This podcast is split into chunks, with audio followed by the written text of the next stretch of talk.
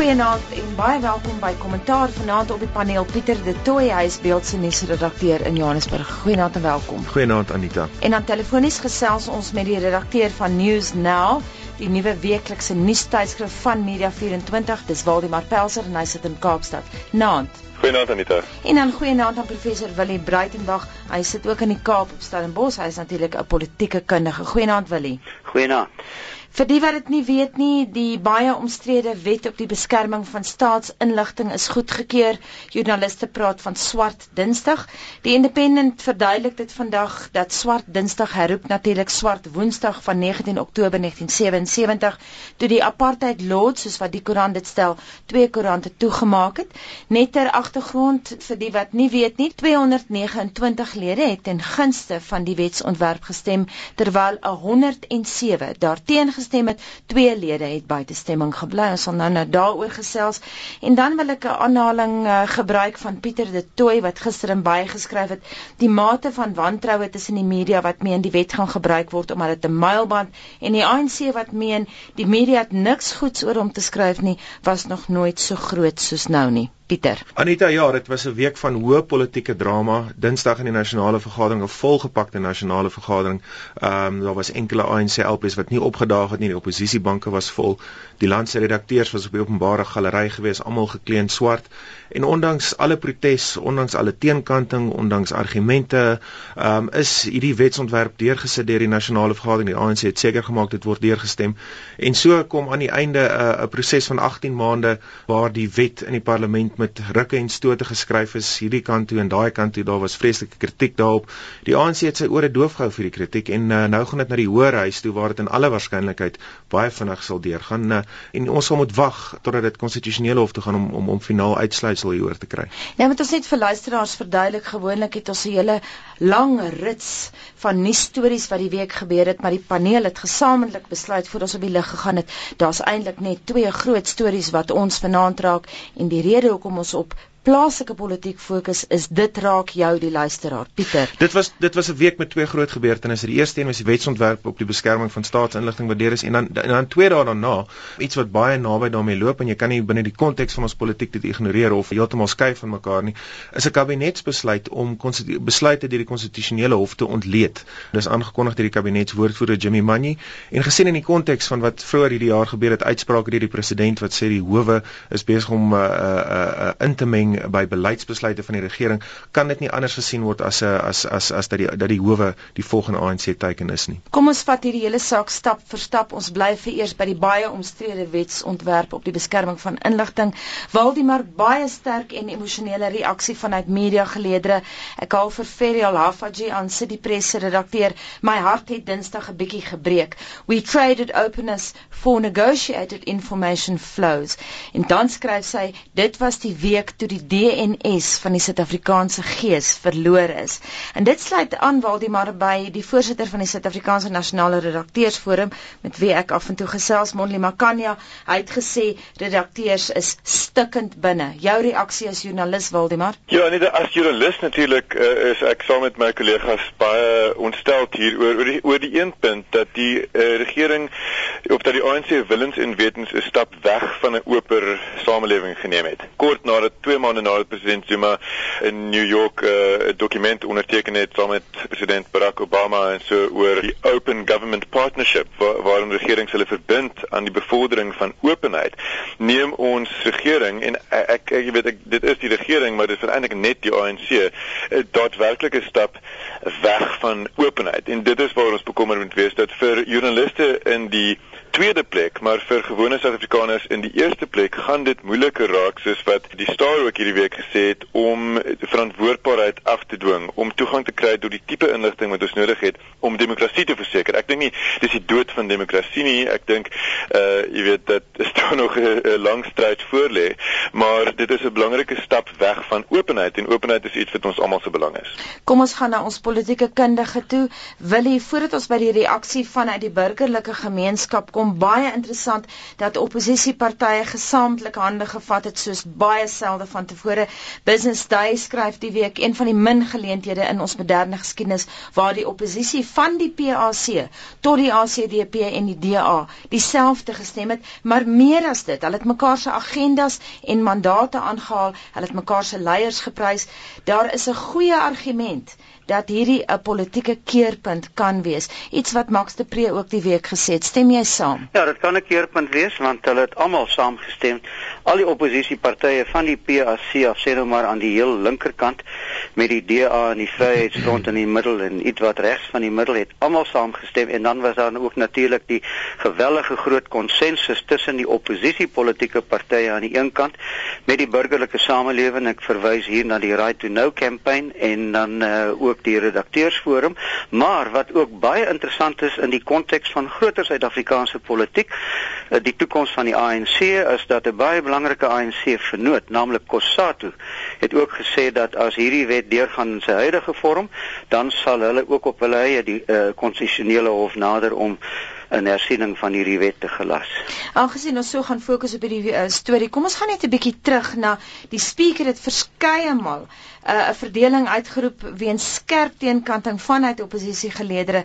Verskeie lede van die media het swart gedra soos wat jy wel gesê het, maar ook teenkanting van binne ANC geleedere. Ons het gesien Ben Turak het uitgestap voor die stemming. Gloria Borman het met Monitor op RSG gepraat oor die feit dat sy buite stemming gebly het en jy het natuurlik ook in by het jy met een van die ANC-lede gepraat wat uh, wel gestem het maar teen sy gewete, jy het nou wel 'n skuilnaam gebruik, maar jy het ook met Derek Hanekom gepraat. Daar's definitiewe teenkanting in die ANC. Anita in die wandelgange van die parlement was daar soos met die skerpe joene wetgewing in 2008 laat ek dit byvoeg, was daar ongemaklikheid om oor hierdie wetgewing te stem.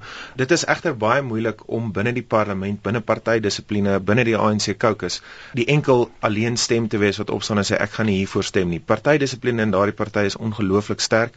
Um ek dink dit is ook die gevolg van die kiesstelsel waarmee ons sit en en wil ek kan sekerlik vir ons meer akademiese ontleding daarvan gee maar dit kom kortom daarop neer dat jy kry jou setel by die party en nie by kiesers of 'n kiesafdeling nie dit word op 'n lysstelsel bepaal wie gaan parlement toe en en as jy jou werk te danke het aan Letuli huis dan stem jy soos wat Letuli huis wil hê jy moet stem.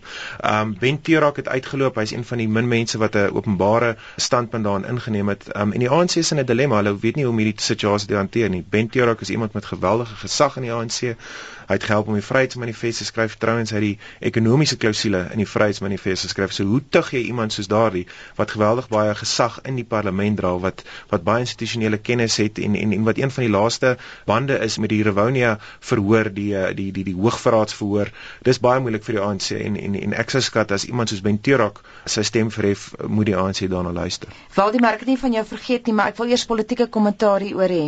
Willie. Ja, inderdaad kan 'n mens sê dat uh, die kieslysstelsel in oppositie met die first past the post stelsel met ander woorde verkose kiesafdelings waar volgens sekere parlemente in Oos-Suid-Afrika se parlement saamgestel het, lei tot hierdie soort ding of kan baie maklik tot hierdie soort ding lei, naamlik dat dit oorgaan in die tirannie van die hoofsweep van die regerende caucus.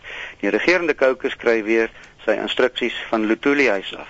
En in hierdie geval was daar geen gewetenstem toegelaat wat soms toegelaat word, naamlik dat lede kan volgens hulle eie gewete stem as dit byvoorbeeld kom iets soos 'n uh, uh, aborsie. Aborsie of genade dood wat nou uh, hierdie week baie in die nuus was met die Suid-Afrikaner wat in Nieu-Seeland mm gefonnis is. Uh, hier was dit doeteenvoudig. Die caucus het gesê jy moet en daarom as jy dan die caucus dissipline breek, dan is jy in die moeilikheid juis vir die rede dat lede van die parlement nie in die eerste plek toerekeningsvatbaar is aan die kiesafdeling wat hulle verteenwoordig nie want ons het nie meer kiesafdelings nie. Ons is 'n proporsionele lysstelsel en in hierdie verband is jy verantwoording verskuldig aan daardie party wat die lys opgestel het en dit is dan hoekom ek die woord gebruik het tirannie van die caucus. Waldemar, kom ons gaan na jou toe.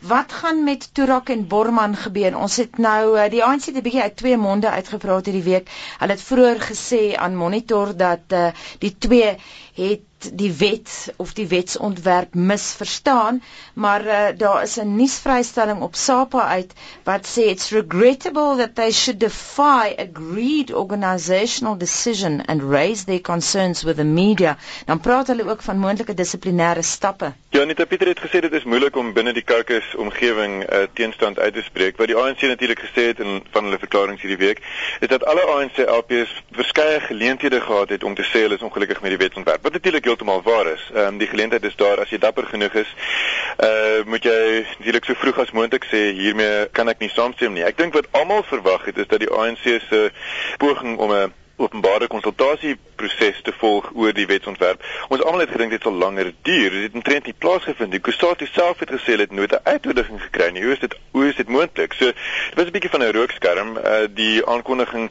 verlede maand toe jy weet dat die wetsontwerp eers teruggehou word vir verdere konsultasie. Dit was jy weet 'n bogstorie met ander woorde. So goed, waarom het die rebelle nie vroeër uitgepraat nie? Ek weet nie. Daar kan nie vir hulle toekoms binne die party wees nie.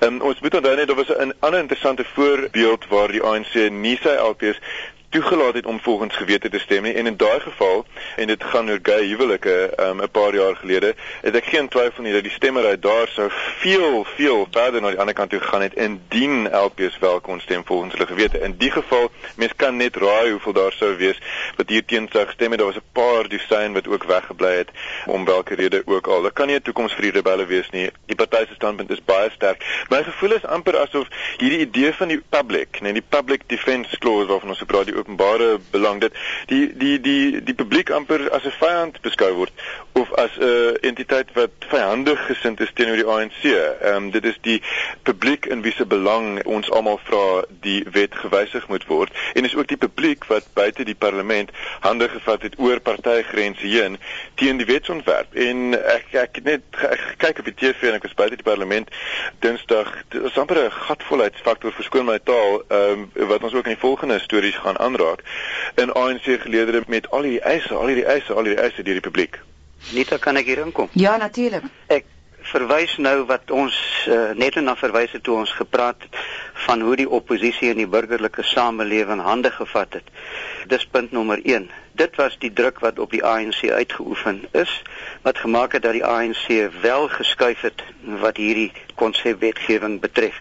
Dit is nie so seer interne oppositie binne die ANC nie. Uh, ons het nou gehoor dat hierdie wet is was die uh, Casserols wet wat in 2008 ingedien is en toe onttrek is deur die laaste weergawe van hierdie wet van die ANC self gekom eintlik van die departement staatsveiligheid. En dit is sedert Mei verlede jaar in die parlement gedebatteer tot September hierdie jaar.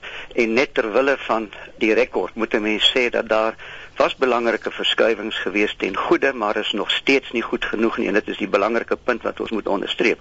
Soos byvoorbeeld aanvanklik sou meer as 1000 instansies kon aansoek doen om die klassifikasie van inligting, dit is verminder na 3 toe. Die Suid-Afrikaanse polisie, die weermag en veral die nasionale intelligensie. Die mense wat die verbeterings getel het in die parlement sê tussen 120 en 130 verbeterings is in die bewoording aangebring. Dan is daar ook nou 'n klassifikasie hersieningskom komitee wat daar onduidelikheid was voorheen en ons wil sien hoe dit nou gaan werk. En dan baie belangrik is die minimumstrawwe wat aan vletjieblassers en aan joernaliste opgelê kon word in 'n hof as hierdie wet dan nou as hierdie wetsontwerp dan nou 'n wet word. Uh, is daar weggedoen met minimumstrawwe met ander woorde dit kan 'n kleinerige strafie wees. En dan uh, ook wat weggelaat is en dit is nou waar die kwessie van korrupsie nie weggekom het nie. Naamlik dat uh, dat persoonlike en kommersiële inligting is nie daardie soort van inligting wat onder hierdie wet geklassifiseer gaan word nie.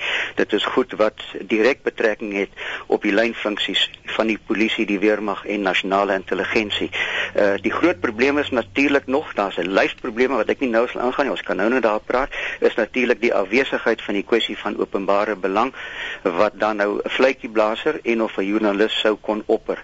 As ek kyk na die bewoording van die nuwe wetgewing wat nou goedgekeur is en die ou konsep wetgewing is dat daar dit was my tog 'n klem verskil geweest tussen wat uh, hierdie wet wil doen met joernaliste aan die een kant en met fluitjieblassers aan die ander kant as hulle dan nou die wet sou oortree. Ek het 'n gevoel joernaliste het in hierdie weergawe kom 'n bietjie ligter daarvan af. Hmm. Dit is eintlik fluitjieblassers wat die grootste straf gaan kry. Net een vraag aan jou. As politieke wetenskaplike, hoe bekommerd is jy, Willie? Ek is bekommerd want uh, dit maak reeds 'n baie groot inbraak op die vryheid van joernaliste en vletjieblassers om oor hierdie soort van sake verslag te doen. Uh soos ek nou nog gesê het, die bedoeling van hierdie wetgewing is nie persoonlike goed met ander woorde hierdie soort wet gaan nie vir Malema vrywaar as hy skuldig sou wees aan korrupsie in Polokwane nie. Hierdie soort van wet sou ook nie vir Mac Maraj vrywaar as hy skuldig sou wees in wat Mail and Guardian oor hom geskryf word nie. Ek dink ons moet vra wat is die agenda met hierdie wet en dit gaan weer 'n keer oor groot staatskontrakte wat aan privaat maatskappye toegeken kan word vorentoe en ek dink dit waarna ons sal moet kyk is verdere wapenaankope want hierdie wet dink ek nie gaan terugwerkend werk nie en dan ook die ten minste 3 kernkragsentrales wat opgerig gaan word wat triljoene rande gaan kos en daar gaan groot kontrakte uitgedeel kan word soos ons weet van Chancellor House en Modupi waar 'n koneksie is met die ANC en wat uh, van die uh, instellingsbou vir die Medupi kragsentrale daar in die verre noord uh, Wes-Transvaal. So dit is die belangrikheid hierman. Ek is bekommerd en ek is ook bekommerd oor die kriminalisering wat daar nog steeds gaan wees vir veral fluitjieblassers wat ek gesê het, maar in 'n minder mate ook vir joernaliste. En dan uh, as 'n joernalis of 'n fluitjieblasser in besit kom van inligting wat uh, geklassifiseer is en dat dit dan nou 'n misdaad sou wees as hulle dit dan nou gaan uitblaker of in 'n koerant skryf dat daar is wel 'n prosedure voorgeskryf dat hulle kan permissie kry om dit te doen. Maar dit is bykans lagwekkend want dit is 'n ontsettende omslagtige prosedure dit kan jare duur en as die nuuswaardigheid daarvan verby dus aan die einde van die dag soos wat na sê by Boots and All aan die einde van die dag is hierdie nie 'n goeie stuk wetgewing nie maar net ter wille van die rekord moet ons sê dat uh, die burgerlike samelewing en die parlementêre oppositie het reeds 'n klein oorwinningkie behaal. En die oorwinningkie is dat die ANC onder hulle druk uh, reeds 'n hele aantal toegewings gemaak het. Pieter wil hier inkom. Ek dink ons kan twee kommentaarprogramme selfs drie volmaak net met 'n debat hieroor Anita. Um ek ek wil 'n paar goed byvoeg en wil hê die problematiek hiervan nou baie goed uiteengesit. Die proses, die wetskrywingsproses, die hele proses by die parlement kan jy nie dit het nie te kort geskied nie. Jy weet, ek dink ek dink ons moet dit ook in die oop kry. Dit die wet is in Maart verlede jaar dink ek is dit ter tafel gelê. Mm. Daar was 'n uitgebreide openbare konsultasieproses sê dit Maart verlede jaar 18 maande lank. Um jy weet die komitee het verskriklik baie vergaderings gehou. Hulle het insette van oral oor gekry. Um hulle het na al die argumente geluister. So so die proses kan jy nie kritiseer nie. Dit was demokrasie in aksie. Dit was 'n parlementêre proses wat tot op die letter toe uitgevoer is. Die wet self wil ek nou baie oor die wet gepraat en, en en as ek net een ding mag byvoeg, die wet het en dit en dit was in vir die eerste wetsontwerp wat ingedien is was 'n baie swak stuk wetgewing geweest. Dit ja. was lomp geskryf geweest. Dit was regtig 'n uh, iets wat aan mekaar gesit is, baie vinnig met uh, stukke wetgewing uit ander wette gaan vat van oorsee af. So dit was 'n baie swak stuk wetgewing. Soos wat diensmits herhaaldelik toegesê het. Ja. Maar gaan aan. Ja, die groot eerste groot uh, bekleierery in die in die ad hoc komitee was geweest rondom wat geklassifiseer mag word. Wat se definisie moet gebruik word om te bepaal wat se inligting geklassifiseer moet word. Nou aanvanklik het hulle gesê inligting van nasionale belang. Nou inligting van nasionale belang is verskriklik wyd en dit was maande se debat geweest voordat die ANC enigstens 'n tree teruggegee het en sê, "Oké, okay, nasionale belang kan enige enigiets wees van 'n busmaatskappy in Port Elizabeth tot die Natalse uh, Haira. Haira, jy weet, dit is toe vernou na nasionale sekuriteit toe. So dit was die eerste groot oorwinning vir die oppositie in daai komitee geweest. Wat my bring na my tweede punt, hier's 'n goue draad wat loop deur die manier waarop hierdie wetgewing deur die ANC hanteer is en die uh die siniese manier en ons sal net nou daar praat waarop daar nou besluit word om uh, die konstitusionele hof se besluite te ontleed. Ja. En dit is dat die ANC voel hy is onder beleg. Um jy weet uit gesprekke met ANC LPs, uit gesprekke met kabinetslede en gesprekke met adjunkministers, is dit duidelik dat die ANC voel he's getting short thrift. Hy word swak hanteer deur die publiek. Hy word onder beleg deur die media en hy word onregverdiglik gekritiseer. Hy is besig om beheer te verloor van die burgerlike samelewing. Hy is beweeg om beheer te verloor van sy eie beleidsrigtinge van die konstitusionele of keer dit elke keer om. So so dis die goue draad wat vir my daardie loop. Hier's 'n vyandigheid en as jy hier's 'n verharding van houdings van die ANC af en en en ek is baie bekommerd daaroor want ek weet nie of daar in die proses nou in die nasionale raad van provinsies enigsins 'n toenadering sal wees kan wees nie. Um as jy geluister het na Louwelen Landers, as jy ja. geluister het na Cecil Burgess, as jy luister na die uitsprake van die president wat sê die howe moet uh, uh mag nie beleidsvorming betree nie, is daar 'n verharding van houdings en en, en dit gaan baie moeilik wees om om om om middelgrond daar te kry. Waldemar, wil jy aansluit hierby? Uh, net net om te sê dat uh, soos ons genoem het, hierdie is nie 'n heeltemal nuwe verhouding van gesindhede binne die ANC nie. Dis net geweldig kommerwekkend. Dis die groter storie. Dis die Willie se punt vroeër van wat is die motief agter die wetgewing? Uh wat is die motief agter die ANC se ondersoek na konstitusionele hof uitsprake?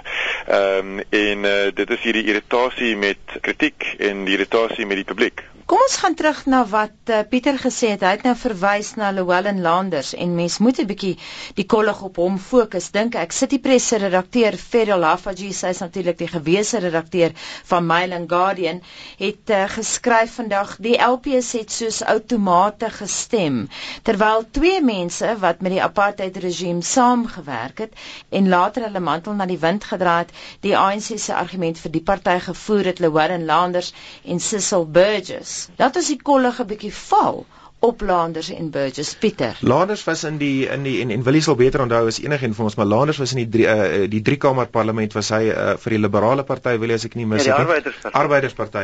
Hy het in die in die in die in die in die, in die brein kabinet dan gedien. Hy was deel van PW Botha se vergrote presidentsraad kabinets logge masjinerie destyds geweest, maar Llewellyn Landers was die caucusleier geweest van die ANC in die ad hoc komitee proses terwyl Cecil Burgess was die voorsitter geweest.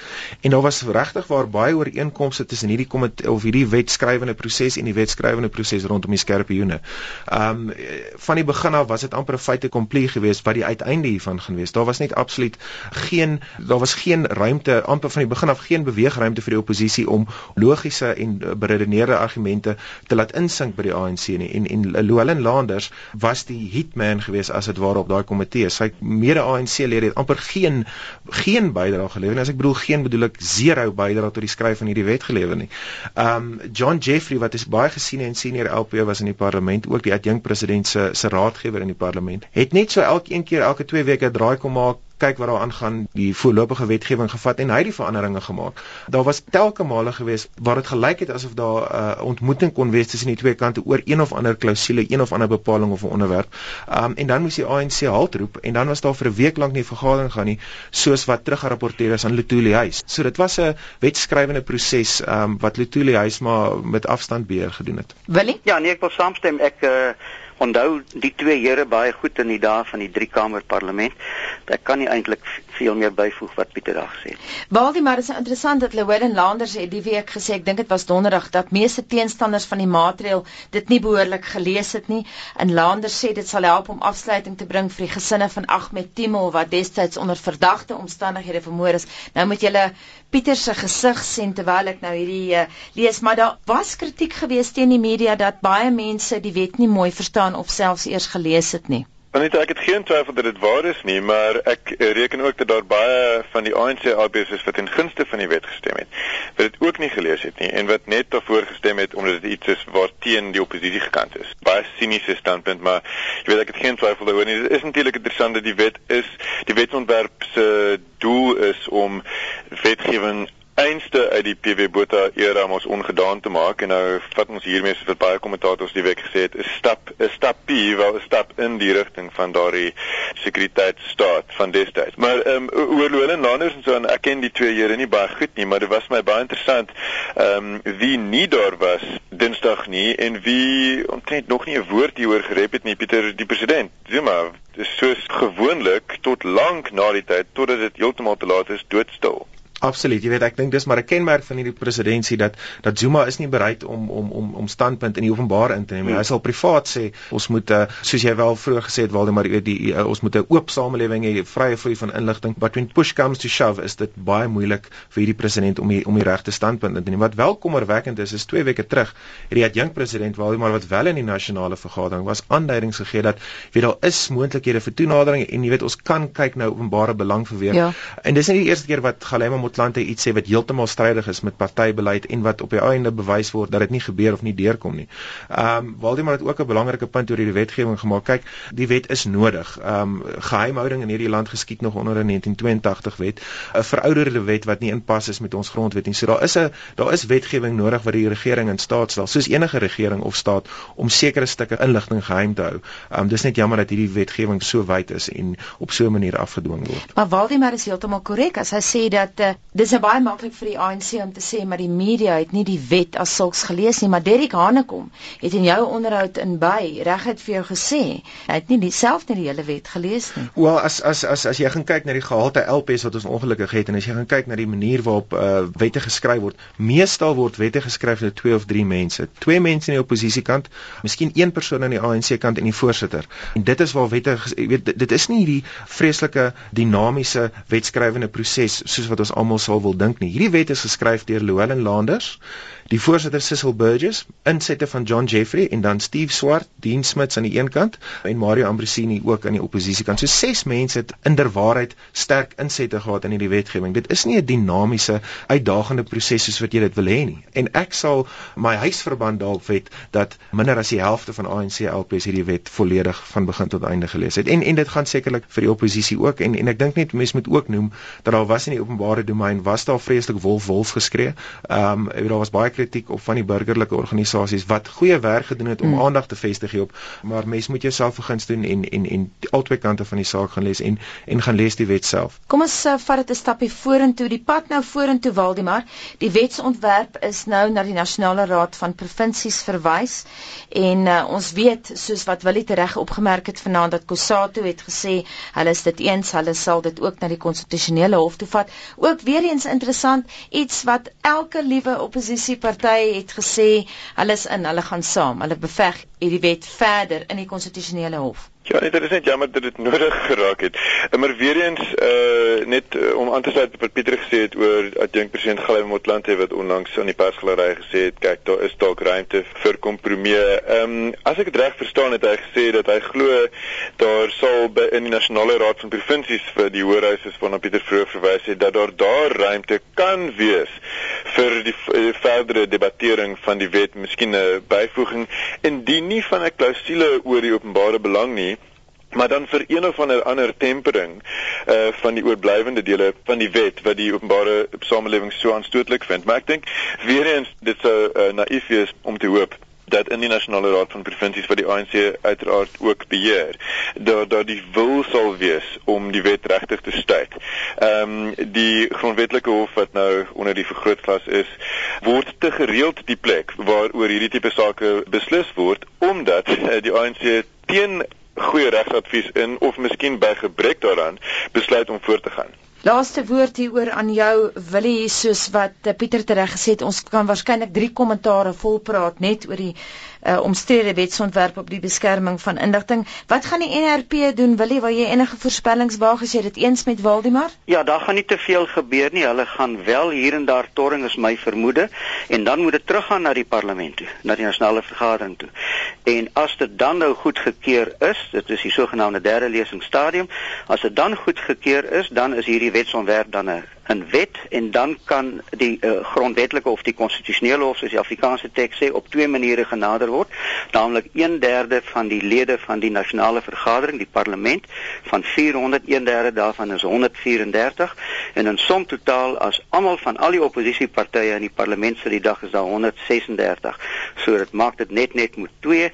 En as een afwesig is of wat ook al dan mag dit dalk nie deur daardie weg by die konstitusionele hof uitkom nie maar dan gaan instansies soos byvoorbeeld COSATU en AfriForum sê onafhanklik van mekaar gaan hulle dan die konstitusionele hof nader met hulle besware daarteen so daar is verskillende maniere hoe dit by die konstitusionele hof gaan uitkom en dit is dan nou ook my baie sterk aanvoeling op hierdie tyd dat uh, hierdie uh, aangeleentheid gaan ons op hierdie program nog baie bespreek want dit gaan ook nog by die konstitusionele hof beland. Finies en klaar Nou ja, volgende storie die ANC mik vir die regbank. Ons het gesien rapport wy 'n voorblad selde dat hulle dit uh, oor pole of aan politieke stories doen. Regters brand los op ANC. Hulle het met Johan Kriegler gaan praat. Hulle het met Dennis Duwys gaan praat. Hulle het met Kate Reagan gepraat. Ek weet jy het met haar gepraat vroeër die week uh, Pieter, maar uh, dit lyk asof ons konstitusionele uh, hof dalk onder beleg kan kom. Hulle wil nou uitsprake assesseer. Kommentaar van jou kant af. Wel ek dink ons moet dit sien in die konteks van die politieke gebeure van die afgelope week in die konteks van die politieke gebeure in die afgelope 18 maande tot 2 jaar. Uh die president het onlangs in die nasionale vergadering gesê dat daar is kommer dat howe is besig om op die terrein van een van die regering se ander uh, arms in te beweeg. Ons grondwet is baie ons grondwet onderskei tussen die drie arms van die regering, die skeiding van magte, die uitvoerende mag, of uitvoerende gesag dan wat die regering van die dag is, die regsprekende uh, gesag wat dan die howe is en ek dink binne konteks van die president se uitsprake, binne konteks van die afgelope week se gebeure, is dit definitief iets om oor kommer te wees. Maar weer kan ek net noem dat daar 'n goue draad die ANC voel onder beleg. Hulle is besig om beheer te verloor van hulle eie party. Hulle is besig om uh, invloed te verloor in in die verskillende sfere van die van die samelewing. Ek dink die rapport het die regte keuse van 'n hoofberig gehad in elk geval. Waldemar? Ja, Anita, daar's daar's skerp kritiek vanuit uh, voorspelbare oorde van mense wat voorheen prominent was in die ANC, mense wat nou nog prominent is. Ehm um, is 'n uh, struggle strydrosse wat uh, bekommerd is oor wat hier gebeur. Die boodskap wat die regering uitstuur, ehm um, met die wetsontwerp, maar meer met hierdie saak van die konstitusionele hof. Is ons hou julle dop. Ons hou julle fyn dop. Ehm um, dit is uh, die begin van die chilling effek, weet wat dit kan hê op ehm um, op regspraak. En dis nie dat daar 'n swaard van uh optrede oor jou kop hang nie, maar dis nie dat jy weet die regering wat amper die vermoë het in die parlement om die uh, grondwet te verander. amper daai tweederde meerderheid het. Sê ons het 'n probleem met hoe julle julle werk doen. Ons het 'n probleem met hoe julle die land se bestaande wetgewing lees, met hoe gereeld ons in die spervuur is. En ons sal julle dop. Dit is amper, jy weet, eh, dit is amper genoeg van 'n dreigement. Ek glo ons konstitusionele hof is robuust genoeg om dit te weerstaan, maar uh, hoe lank hou dit? Kom ons gaan na dokter uh, Mampela Rampele toe. Baie kritiek van binne ANC geleer dat sy 'n struggle veteraan sy het 'n mailing Guardian geskryf die regering se poging om die besluit as 'n herbevestiging van die regbank op te dis onderskat mense se intelligensie. Asof ons wat ons lewe lank vir demokrasie geveg het, dom is, Willie. Ja, dit is presies waar die uh, regters wat ver oggend in 'n rapport aangehaal is, ook hulle uitsprake gemaak het, maar 'n mens moet net byvoeg dat uh, hierdie wat ons nou oor praat is bloot net 'n aankondiging wat Jimmy Manji gemaak het mm. oor 'n assessering van die konstitusionele hof se uitsprake die afgelope 17 jaar, maar geen riglyne is verskaf nie. Die belofte is gemaak dat die regering waarskynlik by monde van meneer Manyi sal dan vir ons binne die volgende week of 2 die riglyne verskaf waar volgens of ingevolge waarvan die konstitusionele hof se uitsprake beoordeel moet word. So duidelik is dit 'n aangeleentheid wat jou program hierdie program van jou oor 'n week of twee weer sal bespreek. Pieter. Hierdie besluit van die kabinet is is is duidelik gebore uit frustrasie van die ANC dat uh, beleidsbesluite of wetgewing wat hulle deurvoer deur die hof omgekeer word en die nuutste een in daardie lang lys van besluite wat die regering ligweg irriteer is die Glenister uitspraak relatief onlangs waarin die konstitusionele hof bevind het dat die valke wat die skerpioene vervang het nie onafhanklik genoeg is nie en hierdie parlement 18 maande gegee om daardie wetgewing hmm. aan te pas en en en te herstel. Nou dit is 'n bron van geweldige frustrasie vir die regering dat dat die besluite wat hy maak um, in die hof uitgedaag kan word en soms omgekeer word. Um en en uh, uh hierdie is 'n poging om soos Waldemar sê vir die hof te sê ons kyk vir julle en ons hou julle dop en ons is ontevrede wat hier gebeur. Jy het vroeër die week met regter Kate Reagan gepraat. Uh, was dit 'n van die rekord af of op die rekord gespreek? Uh, dit dit dit was gesprek oor 'n toespraak wat sy gelewer het, die Helen uh, Suzman uh, gedenk huldigingstoespraak wat sy in Johannesburg gelewer het en 'n belangrike punt wat sy geopper het en en en uh, dit is vroeër die week ook ek dink deur Jeff Budlender geopper dat ons moet versigtig daarop wees om te veel sake en kwessies na die howe toe te verwys. Ons moet versigtig wees om om die howe in te trek in 'n politieke arena. Dit is die ANC se argument hierdie week gewees dat ons wil besluite van die konstitusionele hof ontleed of assesseer want ons wil seker maak dat die hoof betree nie 'n politieke terrein nie. Nou dit is baie waar, maar ek dink dit is 'n simptoom daarvan dat ons sit met 'n uh, ons derde been van die regering, die wetgewende gesag, die parlement dan, waar die oppositie sukkel om hulle self te laat geld weens die oorweldigende meerderheid van die ANC en dat die enigste uitweg wat dan bly vir burgerlike groepe om hulle regte op te eis bly die konstitusionele hof. Nou dit gebeur nog steeds binne die raamwerk van die grondwet en dit irriteer die ANC maar maar steeds dit is binne die raamwerk van die grondwet. Laaste woord aan jou professor Willie Breitenberg. Ek het voor vir jou gevra is jy bekommerd oor die wetsontwerp op die beskerming van inligting? Nou wil ek vir jou vra, is jy bekommerd oor die assessering van die howe of dink jy dis voortydig om nou bekommerd te wees voordat ons presies weet waarheen dit gaan of voordat ons meer inligting het? Twee opmerkings. Uh ons moet wag tot ons presies weet waaroor dit gaan, maar kom ons aanvaar nou maar die donker scenario en as dit die geval is, gaan dit die toets van die waarheid wees vir die nuwe regter Mogoeng Mogoeng. Hy sal dan wys of hy staan aan die kant van 'n onafhanklike regbank en of hy 'n politieke lakai is. So Aan die woorde daar is baie belangrike afleidings wat ons sal kan maak oor hierdie spesifieke saak, hoe hierdie saak gaan vorder. Baie dankie. daarmee volstaan ons vanaand. Laaste woord daar aan professor Willie Breitenberg van die Universiteit van Stellenbosch. Dankie Willie. Goeienaand. En baie dankie aan Waldemar Pelser. Hy is redakteur van Nuus Nou News Now. Baie dankie vir jou insette vanaand Waldemar. Goeienaand Anita, baie dankie. En baie dankie aan Pieter De Tooy, hy is beeldse nuusredakteur in Johannesburg. Dis 'n plesier Anita.